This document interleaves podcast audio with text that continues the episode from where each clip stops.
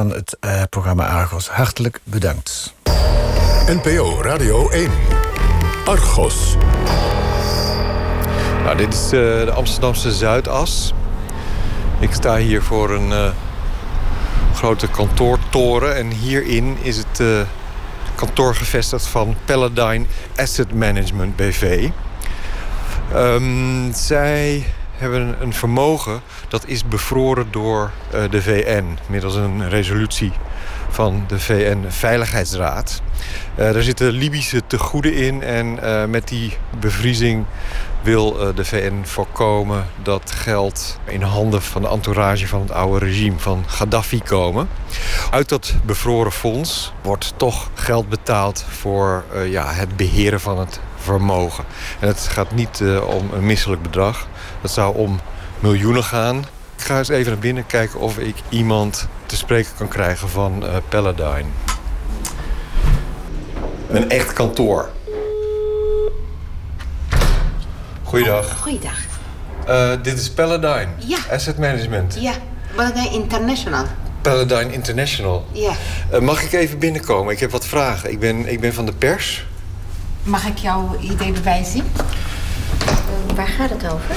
Nou, uh, jullie zijn in allerlei rechtszaken verwikkeld. Ja, en, en bent u op dit moment uh, aan het opnemen? Ja, ik ben nu aan het opnemen. Oké, okay, nou, wij, wij, kunnen daar even geen uitsluitsel over zeggen. Oké. Okay. Ja? Okay, Nog een prettige dag? Ja, ja? Oké, okay. dag. dag.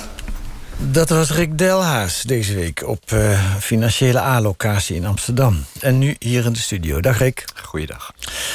Op zoek naar geld van Gaddafi, de Libische dictator... die in 2011 werd verjaagd en vermoord. Uh, maar die had hier en daar wat geld staan, en niet zo'n beetje ook. En nu heb jij uitgevonden, geloof ik... dat dat op de Amsterdamse Zuidas... tenminste een deel van dat geld... door een kantoor wat daar gevestigd is, waar je net was... wordt beheerd.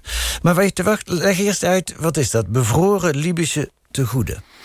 Uh, ja, die tegoeden zijn bevroren door de VN. Uh, omdat, wat ik al in het, uh, het fragmentje zei... Uh, gelden uh, zijn uh, van Gaddafi. Hè? Ja. Die, de VN is bang dat dat geld terechtkomt bij mensen uit het oude regime. Ja, ja, en daarom moet dat bevroren. En een deel van die, van dat, van, is, is inmiddels vrijgegeven van dat geld aan het nieuwe regime, omdat dat erkend ja, wordt. Maar, maar een dit... deel staat, is nog bevroren. En, en een deel staat dus, of wordt beheerd.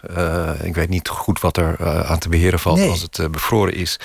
in, door Paladine. Ja. En daar wordt een vergoeding betaald uh, voor uh, het beheer.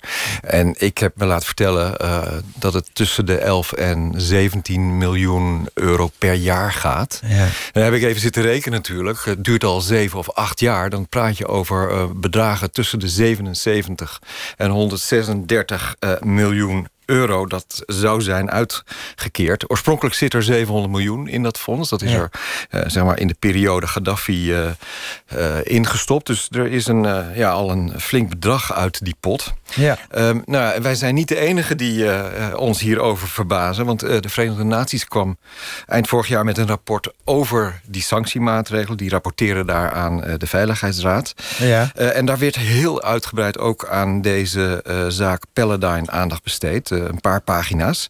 Het is niet de enige zaak die speelt. In Europa zijn er nog meer. In België bijvoorbeeld speelt, uh, spelen kwesties. Okay. Um, maar in dat rapport um, ja, worden eigenlijk de toezichthouders op de vingers getikt. En ik, ik ik interpreteer dat in de, de, zaak Paladine dat dat Nederland is. Ja. Dan citeer ik even letterlijk uit dat VN-rapport uh, over Paladine dus... Hè, dat de doorlopende betaling van een beheersvergoeding...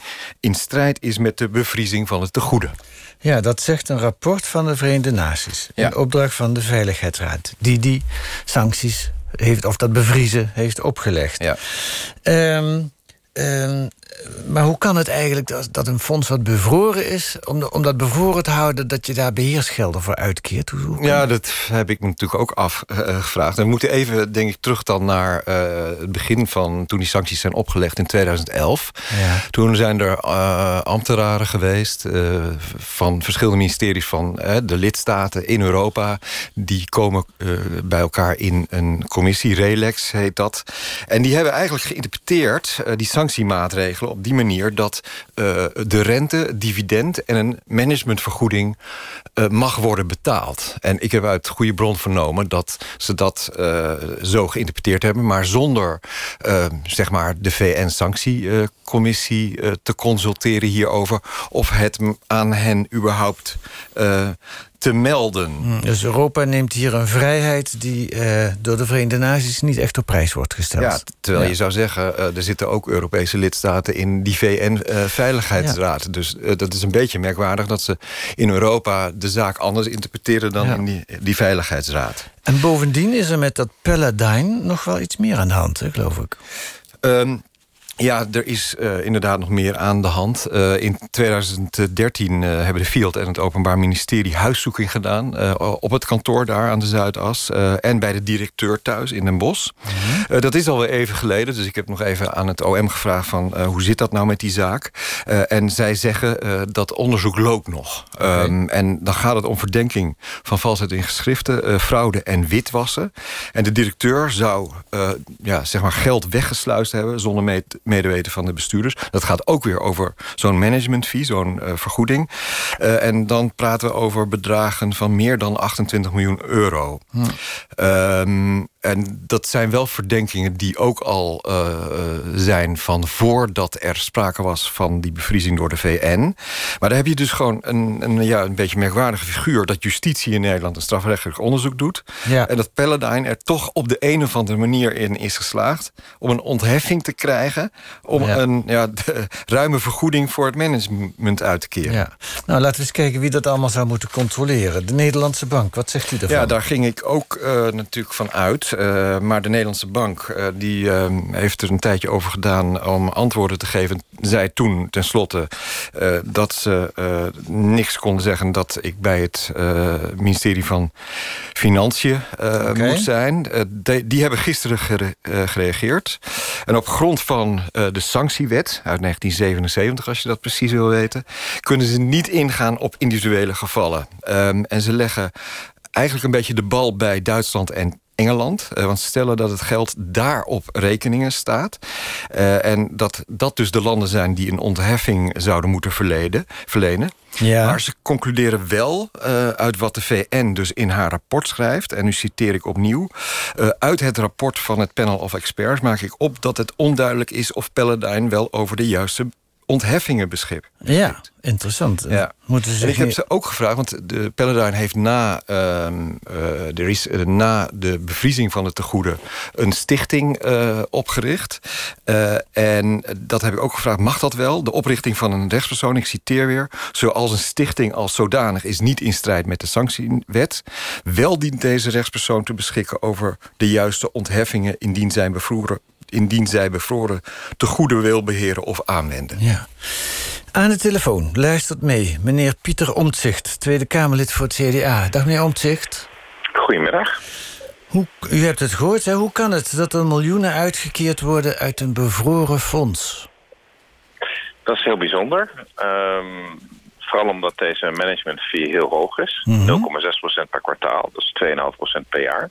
Ja. Dat zijn percentages die Woekerpolis-achtig aandoen. Daar kunnen ze u ook voor vragen, als, eh, voor dat bedrag, denk ik. Nou, uh, dat is uh, niet uh, mijn kerntaak, het nee. van geld. Oké. Okay. Ehm, kijk, het is, op zich is er dus een ontheffing om een kleine beheersfee te hebben. Mm -hmm. dat lijkt natuurlijk ook logisch, omdat ook wanneer geld bevroren is, je het moet beheren. Maar de beheersfee lijkt hier zodanig hoog dat er gewoon geld aan ontrokken kan worden. Ja. Want uh, als je normaal op de markt je geld onder beheer zou geven... zou je daar nooit 2,5% voor betalen. Ja. En uh, daar lijkt toch echt iets aan de hand. Ja, en wie, wie ziet daar nou... Moet daar iemand op toezien? Laat ik het open vragen. Moet daar nou iemand op toezien hoe dat gaat? Nou, ik heb de stukken net gehad, dus ik doe mijn best om het te begrijpen. Ja. Uh, ten eerste, er zitten niet alleen maar landen in de Veiligheidsraad. Dit rapport lag in de Veiligheidsraad in oktober 2018... toen Nederland zelf daar een van de 15 leden was. Ja. Dus het rapport kan niet ontschoten zijn aan de Nederlandse bureaucratie. Uh, dan verwacht je eigenlijk actie op dat moment... Uh, als je weet dat dat uh, geld in Nederland staat. Nou, dan lijkt er natuurlijk het trucje wat vaker uitgevoerd wordt... dat er rekeningen in Duitsland en rekeningen elders zitten. Um, maar ik wil eigenlijk van de regering graag weten wie er nu verantwoordelijk is... ehm, voor dat toezicht en hoe Nederland omgaat met het bevriezen. En om Ja. het heel pikant te maken, Ja. het is op dit moment juist Nederland dat ontzettend hard pleit in de Europese Unie voor uniforme sancties om tegoeden te kunnen bevriezen. Nou, ik zou zeggen, eh, de weinige sancties die er bestaan, namelijk bij de VN, die zou ik dan maar eens eerst goed gaan uitvoeren. Ehm, voordat Ja. je heel groot eh, aan landen voorstelt dat je tegoeden wilt bevriezen van mensen die bijvoorbeeld mensenrechten begaan. Ja, want we hebben het hier, dat moeten we niet vergeten... over te goede van een dictator uit eh, Libië. Oud-dictator, moet ik zeggen. Maar goed, u gaat daarover vragen, want u verbaast zich daar ook over. En ehm, wij gaan kijken wat, wat, wat de antwoorden daarop zijn. Ja, en zoals eerst, de eerste ronde zal kijken wie nou ervoor verantwoordelijk is. Hm, En ja. ik merk dat dat bij dit soort zaken niet alleen voor journalisten lastig is, maar ook voor politici nog wel eens lastig is om daar precies achter te komen. Ja, ja. we gaan het eh, eh, samen met u nauwkeurig volgen. Dank u wel. En dank je, eh, Rick Delhaas, voor jouw uitzoekwerk en jouw toelichting hier in de studio. En dit was Argos voor deze zaterdag. Zondagavond onze collega's van Reporter Radio... met meer onderzoeksjournalistiek. En nu zometeen Radar met... eh, hoe gaat het met vertrekvakanties bij... Nou, laat ik het goed zeggen. Hoe gaat het met vertrekgaranties met, bij vakanties? En volgende week zijn wij er weer. Goed weekend.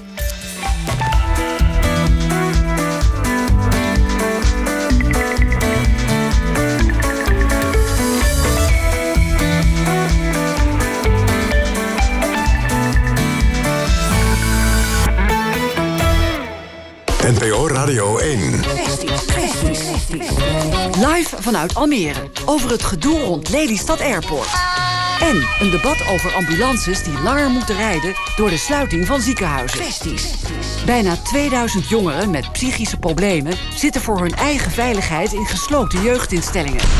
Is dat opsluiten eigenlijk nog wel van deze tijd? Op NPO Radio 1. Morgenavond om 8 uur. Het nieuws van alle kanten. Als ondernemer reageer je snel en creatief op veranderingen.